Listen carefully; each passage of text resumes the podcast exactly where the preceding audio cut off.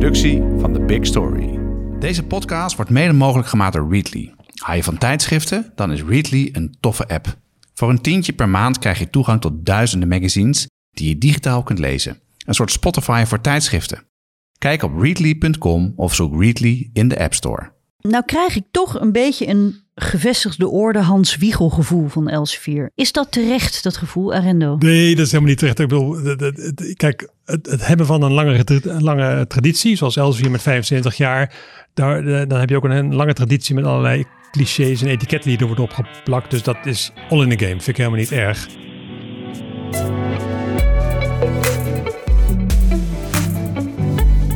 Dit is Komt een blad bij de dokter, de podcast van bladerdokter.nl over media-innovatie. Elsevier vierde eind oktober zijn 75-jarig bestaan. 2020 is niet alleen een feestelijk jaar, maar ook een beladen jaar, waarin het weekblad afscheid moet nemen van zijn naam. Vanaf december omarmt het opinieblad een nieuwe identiteit, EW. We spreken vandaag met Arendo Joustra, al 20 jaar hoofdredacteur van Elsevier, en uitgever Erwin van Luit.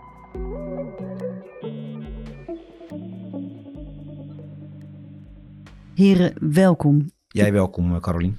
Korte vraag. Um, Arendo, blij met de nieuwe naam? Ja, voor mij is het helemaal geen nieuwe naam. Eh, de lezers vanaf 1945 noemden lezers Elsevier's Weekblad al EW. Dus voor de lezers is het niet nieuw en voor mij ook niet nieuw, want het is gewoon een afkorting van de oude naam. Erwin, uh, denk je dat de naamsverandering de merkwaarde van het weekblad zal beïnvloeden? Ik denk dat dat, uh, dat, dat beperkt zal zijn. De waarde uh, van uh, Elsevier Weekblad wordt bepaald door de content die we bieden. Die zal niet veranderen. er wordt nu een andere naam aangehangen. Daar hebben we de afgelopen tijd al heel veel aandacht en energie in gestoken. En we hebben die naam op een aantal plekken al gewijzigd. En we zien daar eigenlijk helemaal geen negatieve gevolgen van ontstaan. Over die merkwaarde. Ik beluisterde een podcast die jullie ter gelegenheid van het jubileum maakten. En daarin vertelde jij, Arando, uh, over de start van Elsevier in 1945. Ik vind het wel leuk om daar even naar terug te kijken. Bijzonder was de keuze toen voor een soort onafhankelijke, niet verzuilde koers. Kun je daar iets over vertellen? Ja, na de oorlog veranderde eigenlijk niks in Nederland. Dus alle zuilen bleven hetzelfde. En een zuil was eigenlijk een soort een groep van personen die eenzelfde kerk bezochten, eenzelfde krant hadden, eenzelfde vakbond hadden, eenzelfde politieke partij hadden. Dus iedereen leefde in zijn eigen zuil, had nauwelijks contact met elkaar. het, het goede van Elsevier is eigenlijk dat ze die zuilen doorbraken. Dus bij Elsevier in het begin werkten dus sociaaldemocraten, katholieken, protestanten, socialisten. Uh, en liberalen. En dat sloeg enorm aan. Juist omdat het iedereen moe was eigenlijk van die verzuilde samenleving. Zeker na die Tweede Wereldoorlog. En men snakte er eigenlijk naar vernieuwing. En Elsevier bracht als een van de weinigen de vernieuwing. De andere media gingen allemaal weer terug naar, het oude, naar de oude verzuiling. Dus dat was uh, een enorme bevrijding werd dat gevoeld. En uh, vandaar ook dat het blad direct uh, aansloeg en binnen vier jaar iets van 100.000 abonnees had.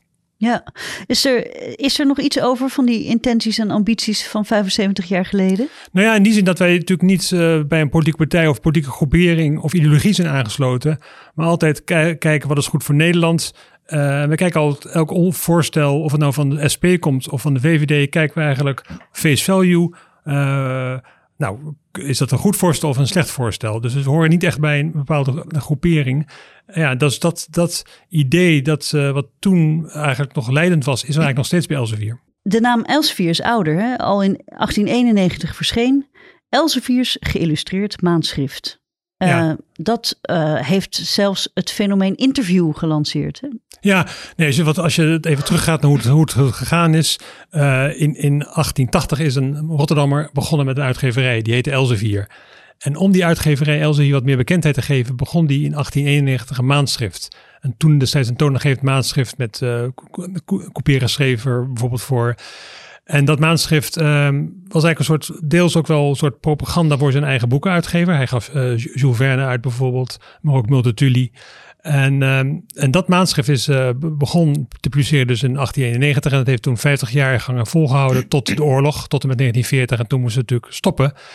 En um, de, die, naam was dus eigenlijk al uh, als tijdschrift al sinds, sinds die tijd beschikbaar. En toen zijn ze na de oorlog begonnen met weekblad. En toen dachten ze, ja, we kunnen het misschien niet weer Elsevier noemen. Want zo heet de uitgeverij al.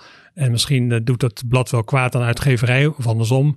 Ze hebben heel lang nagedacht over een naam. En toen zijn ze toch maar weer uitgekomen op Elsevier Weekblad. Als een soort voortzetting eigenlijk, zoals het ook letterlijk geschreven, van Elsevier's geïllustreerd maandschrift. Ja. Uh, dus dat is de achtergrond ervan.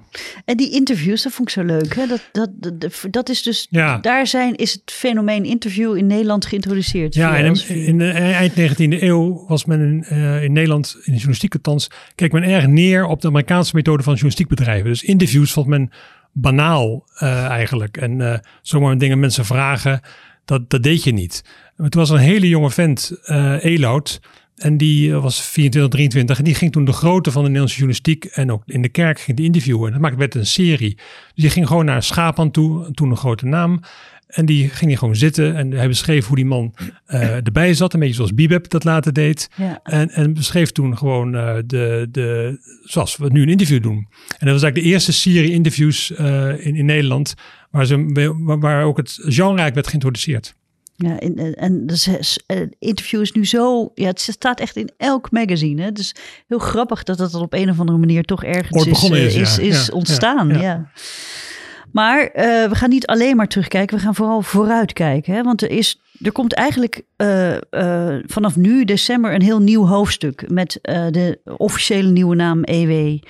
Erwin, kun jij iets vertellen over de totstandkoming van de naam? En, maar vooral ook over het getouwtrek rondom de naam met de vorige eigenaar Relex. Ja, nou uh, ja, de totstandkoming van die naam is natuurlijk niet heel erg spannend uh, geweest. Wat Rendo al aangaf, uh, EW is eigenlijk niet heel erg veel meer dan de afkorting van Elsevier Weekblad.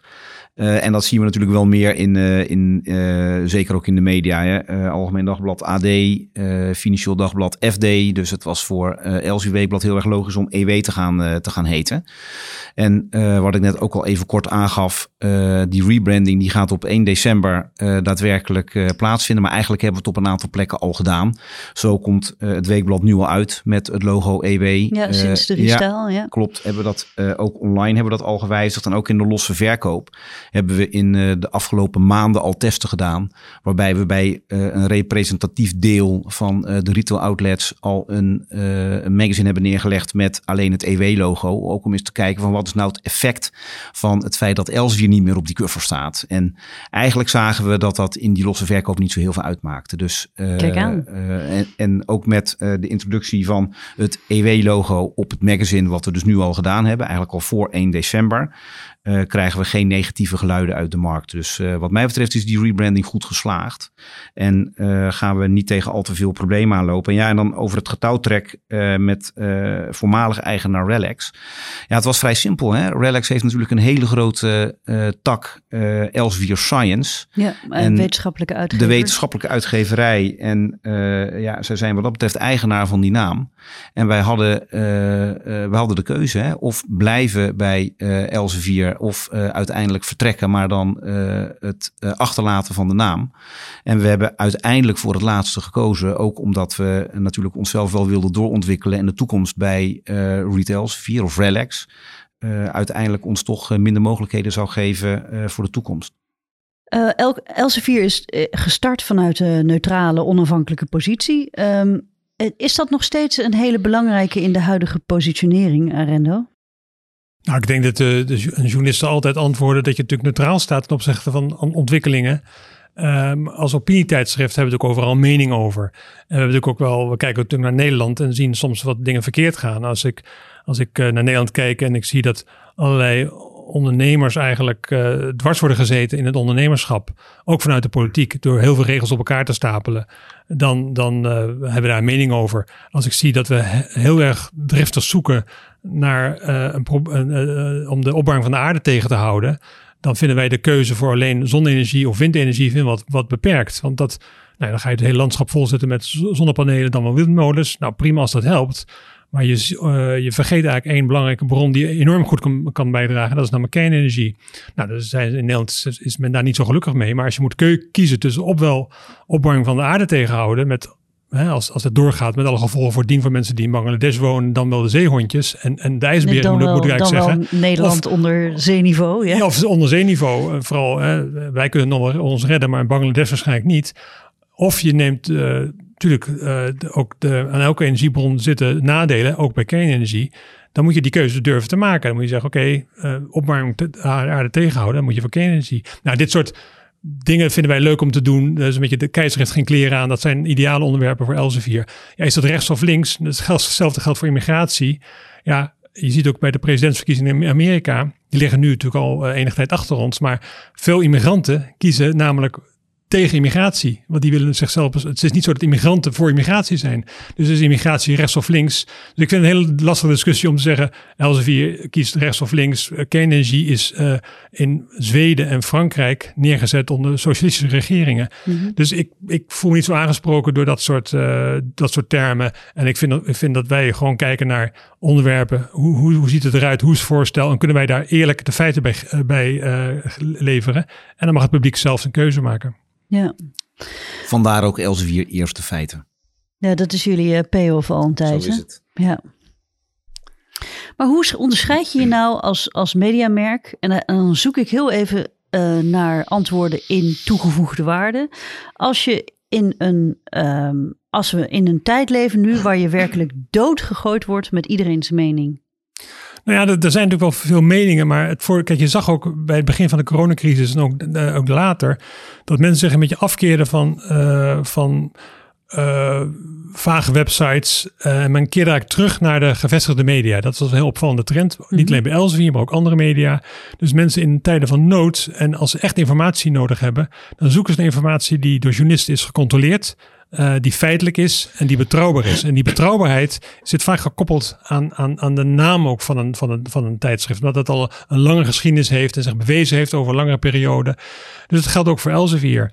Dus die, die, uh, dat is toch wel het grote gevecht met, de, met uh, fake news eigenlijk. Ik heb altijd fake news een soort zegen, of nepnieuws, een zegen genoemd voor de gevestigde journalistiek omdat uh, de journalistiek zet tegenover nepnieuws en fake nieuws uh, uh, informatie die gecheckt is. Als je helemaal teruggaat in de geschiedenis van de media, zo 17e eeuw, toen de eerste kranten opkwamen, had je heel veel krantjes, die, die, die bedienden eigenlijk zakenmensen, die afhankelijk waren van, waren van de beurs, die had je toen al in Amsterdam. En had je heel veel kranten die zeiden dat de oogst was mislukt in, in Pruisen. En die oogst was erg belangrijk voor de graantransporten naar, naar, naar, naar Nederland. Of dat een kapers hadden een schip gekaapt bij Duinkerken. En de kranten die het steeds fout hadden, die verloren hun abonnees. En kranten die juist hun zakenmensen goed informeerden, die werden groot.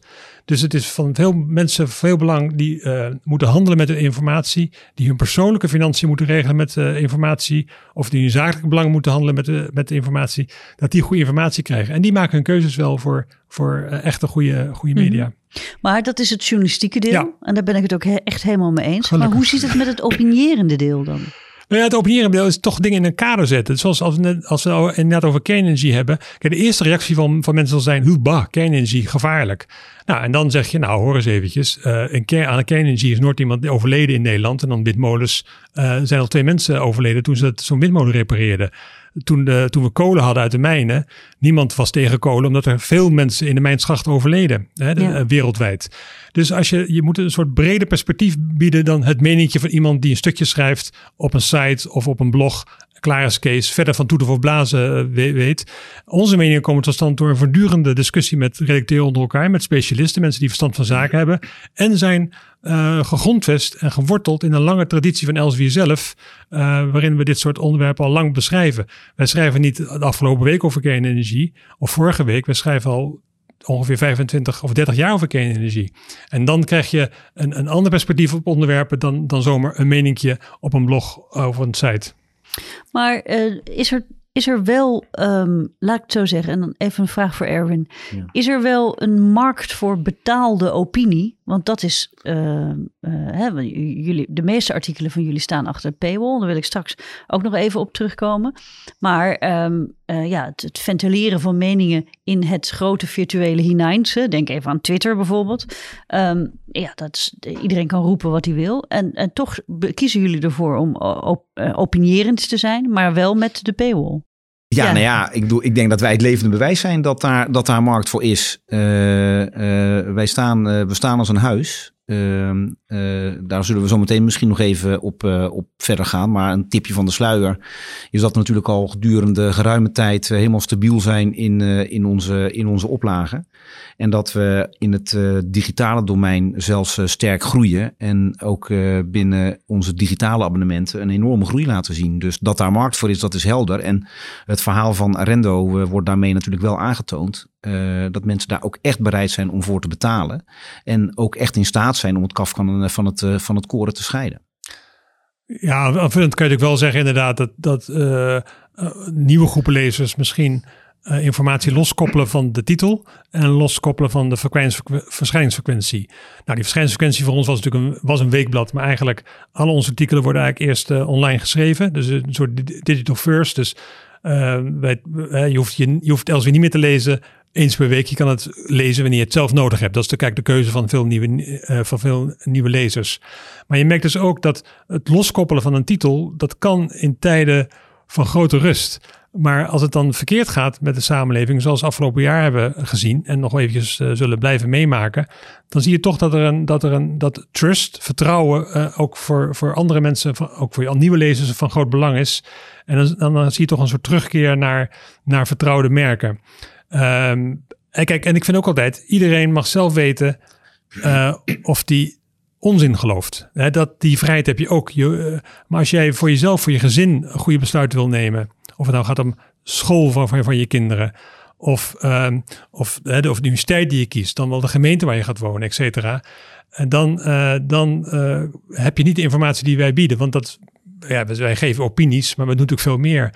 Als je kijkt naar uh, onze onderzoeken inderdaad naar de beste ziekenhuizen, de beste, beste klinieken, de beste studies, ook de gemeente, de, de, uh, welke, welke fondsen je moet uh, beleggen. Dat is natuurlijk veel breder dan alleen maar een opinie. En, en in die zin, ja, we zijn een opinieblad, maar we zijn natuurlijk veel meer dan alleen maar die opinies. Want dan zou je inderdaad misschien een wat smalle basis hebben.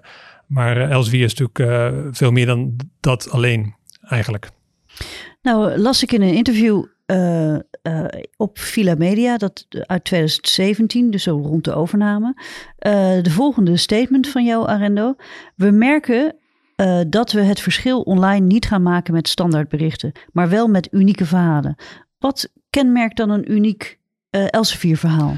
Ja, wat ik zei van nieuws kan je overal krijgen. Nieuws is ook wel gratis. En Erwin uh, van Luid zei net inderdaad, ja, die payroll die hebben we nodig om ook uh, geld te verdienen. Ja, die ga je niet bereiken met het laatste nieuwtje wat overal circuleert en gratis te krijgen is.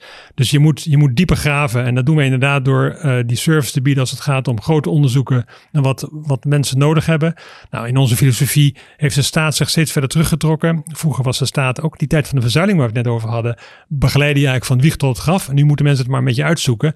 Welke ziekenhuizen kiezen, maar ook welke school en universiteit. Nou, daarin worden ze begeleid, ook uh, door ons. Die onderzoeken doen we samen met gerenommeerde instituten, universitaire instituten. En, en dat is informatie die je geeft als een soort service. En tegelijkertijd is het voor mensen heel prettig om, um, om als zij een discussie hebben met, met uh, vrienden, familie, om toch uh, achter die opinie, want het is ja, het is een opinie, maar die opinie wordt altijd gestoeld op feiten en argumenten. Wij zeggen altijd tegen nieuwe stagiairs, uh, nieuwe redacteur, je mag overal over meepraten, maar niet uh, uh, ik voel dit of ik, ik hoor dit. Altijd zeggen wat zijn je argumenten, wat zijn je feiten. En daar is natuurlijk heel veel behoefte aan in Nederland, waarin we voortdurend met elkaar in discussie zijn. Dat maakt het ook zo'n leuk land en dat hoort ook bij een democratie. Maar het is altijd handig om de feiten bij de hand te hebben. En wij, geven eigenlijk, eigenlijk is die opinie een vehikel om feiten te verspreiden. Ja. Dus, dus, dus je kan geen opinie geven zonder feiten of argumenten. Dus, en dat is een soort bijdrage aan de algemene discussie in Nederland, uh, dat je die feiten en argumenten bij de hand hebt. Nou, dan had ik begrepen dat jullie met die onderzoeken uh, best wel veel succes hebben, maar dat dat ook uh, een basis is voor een nieuwe B2B-strategie.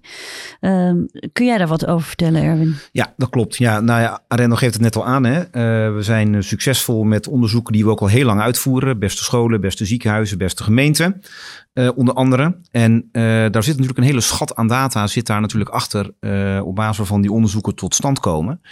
En als je dan vervolgens ziet wat bijvoorbeeld de impact is van een ranking op een individueel ziekenhuis en hoe ze daar binnen zo'n ziekenhuis of binnen zo'n schoolinstelling mee bezig zijn, met waar ze nu uiteindelijk geëindigd zijn, dan geeft dat natuurlijk aanleiding om zeg maar eens even heel goed na te denken over hoe je die partijen daar meer mee kan helpen. Hè? Hoe, bedoel, wat is nu de achterliggende reden waarom een ziekenhuis wat slechter scoort bijvoorbeeld dan vorig jaar. Nou, daar hebben we natuurlijk een heleboel data over uh, en een heleboel uh, uh, redenen kunnen we daarvoor aandragen die we in een nieuw model wat we gaan lanceren, EW Research noemen we dat, ja. die we dan ook daadwerkelijk gaan aanbieden aan die partijen, waarbij ze uiteindelijk hun dienstverlening ook verder kunnen verbeteren op basis van de onderzoeken die we doen. En dan kunnen ze een rapport kopen, bijvoorbeeld. Dat, is, dat gaat waarschijnlijk een van de uitkomsten zijn van, van het traject wat we nu lopen om dit op de markt te gaan zetten. Ja. Nou, dat is interessant.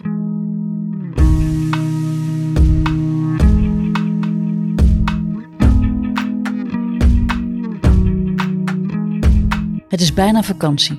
Een heerlijke tijd om onder de kerstboom een hele stapel tijdschriften te leggen om de vrije dagen mee door te komen. Dit jaar onder mijn kerstboom de app van Readly.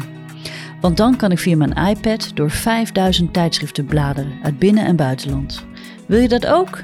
Voor jezelf of om cadeau te doen aan iemand anders? Dan heb ik een aanbod. Twee maanden gratis toegang tot de app. Daar kom je de vakantie wel mee door. Ga naar nl.readly.com slash bladendokter. Ik herhaal nl.readly.com slash bladendokter. Als ik kijk naar jullie concurrentie, dan is er een aantal uh, mediamerken die uh, heel erg vaak in het nieuws komt, omdat er een grote impact is van hun onderzoeksjournalistiek. Hè, bijvoorbeeld Follow the Money is een, vind ik een heel goed voorbeeld, die geregeld aan ja, de publieke opinie uh, beïnvloedt doordat zij verhalen lanceren met een impact, laat ik het zo zeggen. Dat nou zie ik dat bij Elsevier gewoon niet zo vaak voorbij komen. Is dat terecht of niet? Nou, dat is helemaal niet ons doel. Kijk, uh, ik, ik, ik, zie zo'n al die, al die onderzoeksjournalistiek voorbij komen. Kijk, als je die Economist neemt in, in Engeland, een van de grootste serieuze weekblad ter wereld, die hebben ook nooit een soort verhaal waarmee ze het nieuws halen. Onze taak is heel anders. Wij zijn niet van het nieuws. Wij moeten proberen al het nieuws wat er uh, geproduceerd wordt links en rechts, moeten we proberen in een context te plaatsen. Dat is soms veel belangrijker. De lange lijnen zijn vaak veel belangrijker om de samenleving te begrijpen dan een, een nieuwtje van een uh, onderzoeksjournalistiek groep. Nogmaals, ik doe daar nu een beetje bagatelliserend over, zo bedoel ik het niet. Maar wij hebben niet als opdracht om nieuws te brengen. Onze opdracht is veel breder en veel diepergaand. Namelijk, wij moeten de wereld in een context plaatsen. En nogmaals, de Economist, ja, die zie je ook nooit het nieuws verschijnen met een onderzoekje naar een of andere kwestie. Dus dat is niet onze opdracht, dus daar doen wij ook niet aan mee.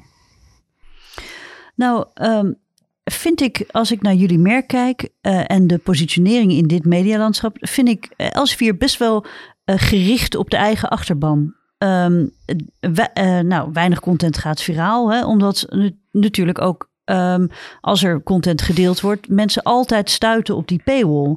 Um, hoe zorg je nou ook, een vraag aan Arendo, hoe zorg je nou dat een merk als Elsevier of EW er ook toe doet buiten de vaste le lezerscharen? Nou, dat zal je verbazen, maar dat gebeurt juist heel erg veel.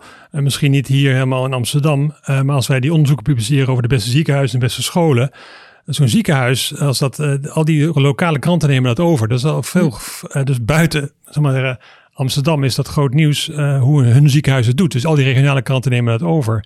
als je ziet onze impact van onze feitelijke verhalen. Dus je hebt een, de, de, de, je hebt eigenlijk verschillende niveaus eigenlijk van, van media. Je hebt media die heel direct in de dagelijkse nieuwsstroom zitten. En, en, en media die wat, wat op een andere frequentie zitten. En meer secundair. Ja, ik ben niet zo, ik ben niet zo geïnteresseerd in of, of, of, of ik of Elsevier of überhaupt de journalistiek impact heeft. Ik ben niet van het slag mensen wat zeggen dat wij de bewakers zijn van de democratie. Dat vind ik hoogmoed. En vaak maken al die journalisten die dat zeggen ook helemaal niet waar.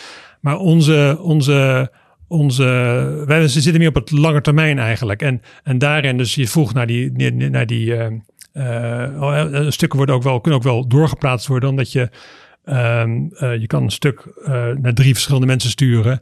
En dan, en dan krijgt het wel die uitstraling. En dan kan het wel viraal gaan bij ze spreken. Mhm.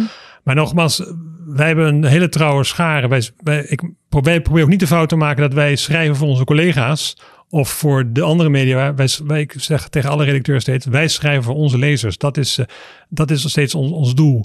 Omdat uh, die betalen ons uh, salaris, die, betalen, die brengen het geld op. Dus daar moeten we voor werken. En je ziet vaak in de journalistiek een neiging om niet te schrijven voor je eigen mensen, maar te schrijven voor voor, voor inderdaad je voor eigen collega's. En dat vind ik altijd een soort vervuilende vorm. Ja, van- voor de aandacht. Voor, ja. voor aandacht en, en voor jezelf.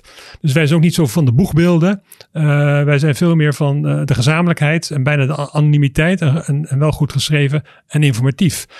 Ehm, ja, en ik geloof, ik geloof dat op, op dat op de lange termijn ehm, het, eh, het, eh, dat, je, dat je het verste brengt. Ik heb heel veel in mijn eh, loopbaan in de journalistiek van 40 jaar heel veel merken zien opkomen en, en weer verdwijnen. En die waren altijd een beetje gericht op, op ik en, en, en, en, en, en de speler.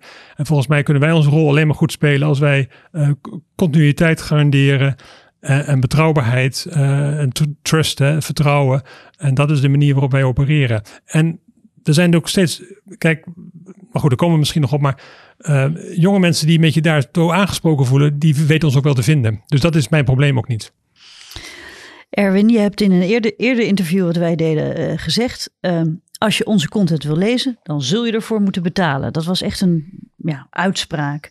Ehm, maak, maak het je jezelf niet eh, wat lastig om eh, je meerwaarde te laten zien... ehm, aan bijvoorbeeld niet-abonnees... als, je, mm, ja, als die, als die eh, paywall gewoon heel rigide is...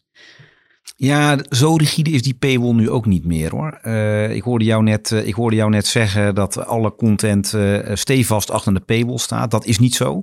Er staat wel een eh, behoorlijk deel achter de paywall. En het is natuurlijk iedere keer een spel wat we spelen. door wel voldoende mensen met vrij toegankelijke content naar ons toe te trekken. Om ze uiteindelijk op basis van hun gedrag. Eh, eh, hun leesgedrag hè, eh, wel te verstaan, wel tegen een paywall aan te laten lopen, waar, waardoor ze uiteindelijk wel gaan betalen. Dus het is een spel wat we spelen, waarbij we aan de ene kant eh, vrij toegankelijke content neerzetten, maar nogmaals eh, eh, ook zoveel mogelijk achter een paywall, waarbij we natuurlijk iedere keer proberen die conversie zo hoog mogelijk te laten zijn. En dat doen we niet onverdienstelijk, eh, want we groeien natuurlijk enorm in die digitale abonnementen. Ja, want hoe gaat het daarmee? Ik had eh, eh, begrepen dat jullie tegen de 10.000 aan zitten nu. Ja, we zitten, ja, we zitten er iets onder, nog net, nog net iets onder. Maar eh, we gaan eh, hard op weg naar dat, eh, naar dat getal. En eh, ja, dat levert natuurlijk inmiddels een omzet op eh, met in ieder geval zes nullen. Ja. En eh, dat komt voort vanuit loyale abonnees die een digital-only abonnement hebben. En dat is eh, voor een magazine is dat uniek. Ik kan er geen één noemen in Nederland die dat, die dat op deze manier doet. Nee, maar je en moet, daarin lopen we volledig voorop. ja, je, moet, het- je moet het eigenlijk anders formuleren. Want alle kranten tellen hun digitale abonnees me- mee, of hun gewoon abonnees mee als digitaal a- abonnees. Dus wij hebben in feite 63.000 digitale abonnementen. Dus als je het vergelijkbaar wil maken met de kranten, dan moet je die gewoon, alle, alle namelijk alle printabonnees hebben ook gewoon digitale toegang. Ja. Dus dat zijn de, net als bij de kranten. De kranten tellen ze mee en wij doen een beetje bescheiden erover.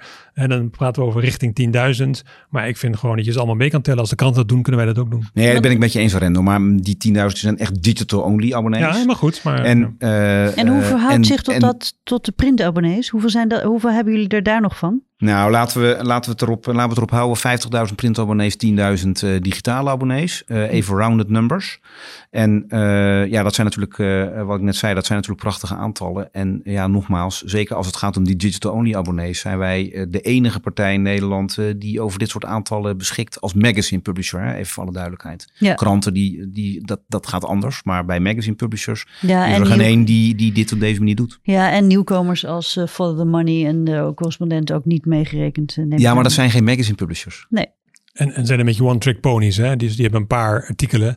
Wij proberen wel het brede aspect te geven van en van buitenland en economie en cultuur. Maar goed, eh, all in the game. Maar dat is wel natuurlijk, eh, wij zijn breder. Nou ja, ik, ik, ik denk dat het ook te maken heeft met als je een magazine eh, publisher bent, dan heb je de, eh, ja, de legacy of, of het, Ja. de, om altijd maar tegen de deadline aan te werken en eigenlijk heel erg veel content te maken. Waarom? Het blad moet elke week vol en de site moet elke dag genoeg aanbod Ja. krijgen. Nieuwe uitgevers, zoals Follow the Money en de correspondent, die hebben helemaal niks eh, eh, eh, op het gebied van frequentie. Die maken de verhalen, die brengen het pas als het af is. En of Ja. dat twee keer in de week is of zes keer in de week, ja, dat maakt niet zoveel uit. Dus het hele loslaten van dat frequentiedenken, Ja. dat is als je helemaal online gaat natuurlijk ook helemaal geen gekke. Nee, behalve ook het verdienmodel wordt wat anders. Maar want dat is nog wel eh, om te bestuderen. Het verdienmodel van de correspondent en van eh, Fo- Fo- Follow the Money. Waar het geld vandaan komt. Hè?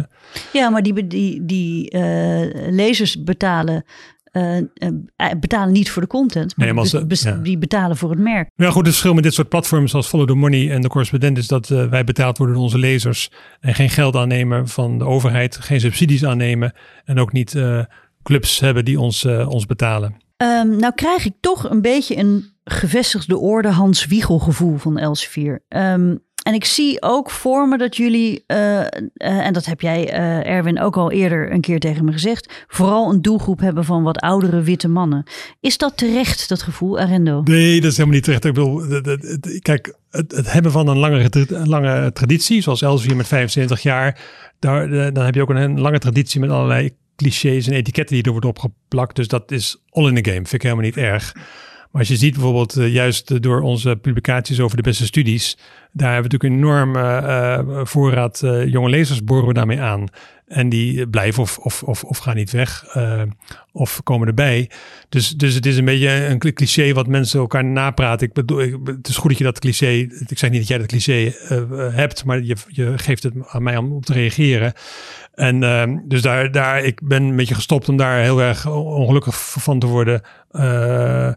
Eh, Ehm, want het is nu helemaal zo in Nederland. Hè? Dus het is altijd makkelijk om iets te positioneren en dan, en dan, en dan ben je klaar. Het, eh, nogmaals, Erwin heeft het zelf gezegd. eh, je, je verkoopt jezelf niet zozeer. eh, je verkoopt jezelf eigenlijk door de content die je brengt. En dan moet je zomaar hopen dat eh, mensen zich daartoe aangesproken voelen. Nou ja, we hebben, ik, eh, we hebben dat een keer onderzocht. En toen kreeg ik toch allemaal van mensen te horen. eh, weer een 38-jarige, weer een 20-jarige.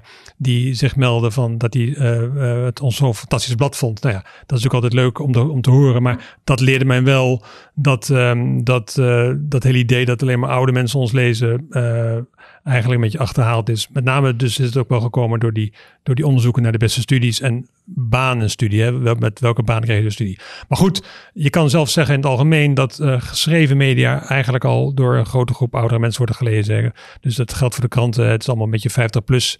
Dus in die zin, eh, en laten we blij zijn dat die mensen in Nederland eh, de tijd hebben en het geld hebben om voor de geschreven media te, te betalen omdat eh, al die andere media, die profiteren natuurlijk enorm van deze oude groep mensen die het geld uit, eh, uittrekken om, om, eh, om de journalistiek in Nederland in stand te houden. Dus laten we daar vooral blij mee zijn met deze mensen. En ik denk altijd, alle jonge mensen worden, op een gegeven moment ook 50 plus. En dan zijn ze weer welkom bij ons, als ze er niet zijn. En bij de andere media. Maar we moeten juist stimuleren dat, dat een grote groep Nederlanders toch wel bereid is om te betalen voor journalistiek. En in aanvulling daarop, eh, Carolien, wat ik net vertelde over die eh, enorme groei die we zien op eh, digitale, digital-only abonnees.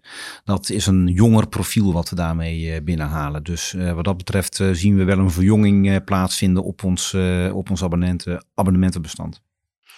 Nou had ik begrepen dat jullie ook bezig zijn met het ontwikkelen van een nieuwe concept binnen EW, eh, wat EW Podium gaat heten. Kun je, Erwin, kun je daar iets meer over vertellen? Ja, klopt. Eh, eh, dat is nog niet uitgekristalliseerd, eh, overigens. Dus wat dat betreft heb je een soort nieuwtje te pakken. Maar EW Podium, wat we daarmee beogen, is dat we een podium geven aan met name wat jongere mensen die echt een geluid kunnen laten horen, wat wat toevoegt aan, aan het geluid wat Elsevier laat horen.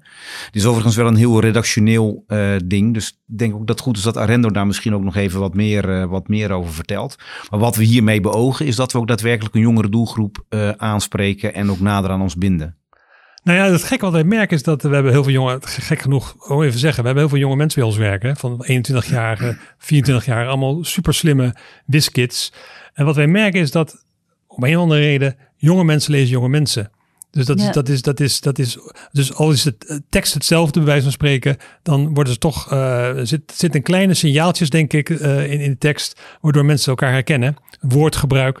Ik zal niet zo gauw het woord delen bijvoorbeeld gebruiken, maar dat jonge mensen op een of andere manier het is raadsel, maar jonge mensen lezen jonge mensen. Dus het hele idee van dat EW Podium is inderdaad, zoals Erwin zei, om toch een soort enorme groep mensen aan te, aan te boren die werkt bij allerlei organisaties, van bedrijven tot denktanks, tot partijen, die een beetje onder, onder de top eh, actief zijn, maar dolgraag willen. En die geven we dan ruimte in de hoop inderdaad dat ze natuurlijk ook eh, op eh, jonge mensen aantrekken die het, die het lezen.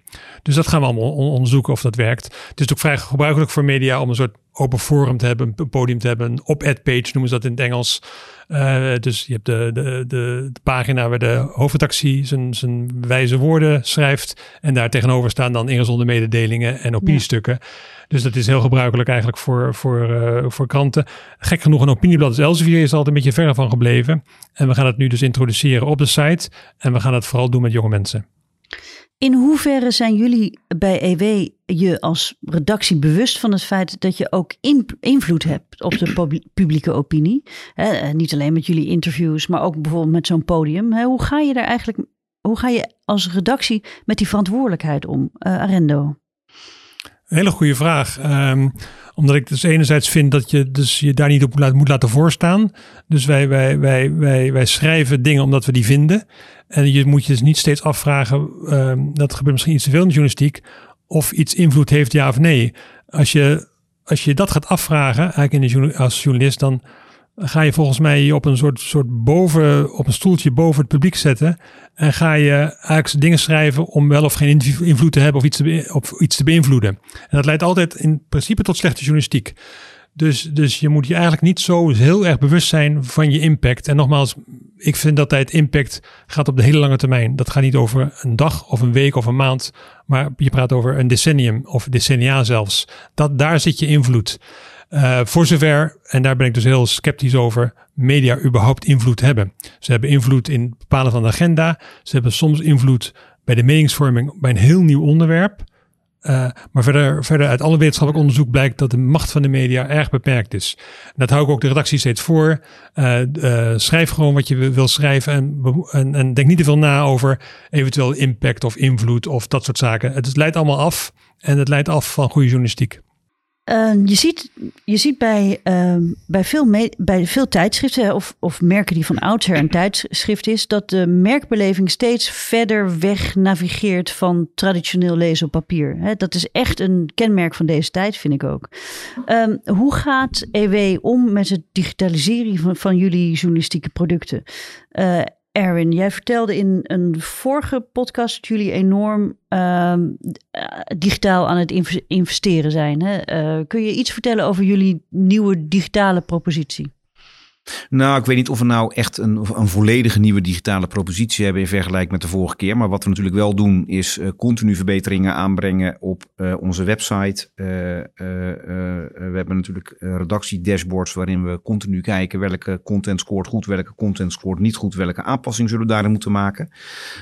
ook als het gaat om de paywall natuurlijk. Hè. Nogmaals, welke content voor de paywall, welke content achter de paywall. Hoe kunnen we lezers zo goed mogelijk ook betaald aan ons binden. Daarnaast hebben hebben we uh, behoorlijk geïnvesteerd de afgelopen tijd in het neerzetten van podcastreeksen, uh, videoreeksen, social media. dus al dat soort kanalen zijn we steeds verder aan het uitdiepen en aan het professionaliseren. En ehm, dat gaat goed, dat legt ons geen windeieren. We weten steeds meer lezers ook online aan ons te binden. En uiteindelijk ook, wat ik net al zei, ook te converteren richting, richting betalende abonnementen. En dan wil ik afsluiten met de laatste vraag voor Arendo. Uh, hoe ziet EW eruit als, als er straks een 100-jarig uh, jubileum is? Ja, dat is een, ook een hele goede vraag. Uh, het 100-jarig jubileum van Elsevier, nou, dan ben ik er niet meer. Dat scheelt enorm. Ehm, dus dat moeten we helemaal over, over overlaten aan, aan, aan anderen. Ik, ik, dat klinkt een beetje flauw, maar die, die, zo'n zo'n blad is eigenlijk niet zozeer afhankelijk van de hoofdredacteur. Het is die redactie die steeds uh, het blad maakt. En dat zeg ik niet om, om ze te kwafferen. Maar het is gewoon zo. Je merkt, je merkt eigenlijk, en dat heb, heb ik gemerkt toen ik hier kwam als hoofdredacteur. Dat, dat de, de lijnen lopen zo lang door. Het of, ik, ik had gedacht dat de hoofdredacteur bepaalt een beetje de inhoud van het blad. Maar het, is de, de, muren van het gebouw eigenlijk die dat doen. Dus die, je neemt een traditie mee van, van een blad. Uh, dus ik merkte, uh, we, waren, we waren, hadden een beetje een, een, een, een stevig standpunt over de Raad voor Journalistiek. Daar deden we niet aan mee. En, en we hadden een stevig standpunt over bronbescherming. Dat vonden we een beetje onzin. En tot ik merkte dat de oprichter van Elsevier als hoofdredacteur, Lunshoff, ehm, die al diezelfde standpunten had eigenlijk al. Dus, dus ik had nooit met hem gesproken, want hij was overleden voor, voor, voordat ik in de journalistiek ging. Uh, En, en ik had hem ook verder niet bestudeerd. En toch bleek dat overeen te stemmen. Dus je ziet dat, er, dat de continuïteit in zo'n, in zo'n, in zo'n organisatie, uh, zo'n redactie eigenlijk veel groter is dan je als één mannetje kan beïnvloeden. Of één vrouwtje. En dat is alleen maar goed. Dus ik denk dat uh, op deze manier over 25 jaar, want daar praten we over, Elsevier zelf wie ontwikkeld heeft en natuurlijk allerlei nieuwe dingen gaat doen. Maar ik denk niet dat de, de manier aankijken tegen de samenleving, ik denk niet dat dat radicaal zal veranderen. Dus dat is alleen maar rustgevend dat er een soort continuïteit is in zo'n blad, in zo'n titel, die zorgt voor, voor betrouwbaarheid. En uh, dus laten we erop houden dat Elsevier over 100 jaar en als 100 jaar, 100 jarige nog steeds bestaat. Nou heren, ik wil jullie hartelijk danken voor dit gesprek. Dit was Komt een blad bij de dokter, de podcast van bladerdokter.nl. Elke maand hebben we nieuwe gesprekken met bladermakers en hoofdredacteuren over de ontwikkelingen in het vak. Op bladerdokter.nl kun je alle gesprekken terugvinden, of beter, abonneer je via Apple Podcast of Spotify. Bladerdokter publiceert elke maand een nieuwsbrief met interessante artikelen over magazines, vol nieuws, achtergronden en analyses. Je kunt je inschrijven via bladerdokter.nl.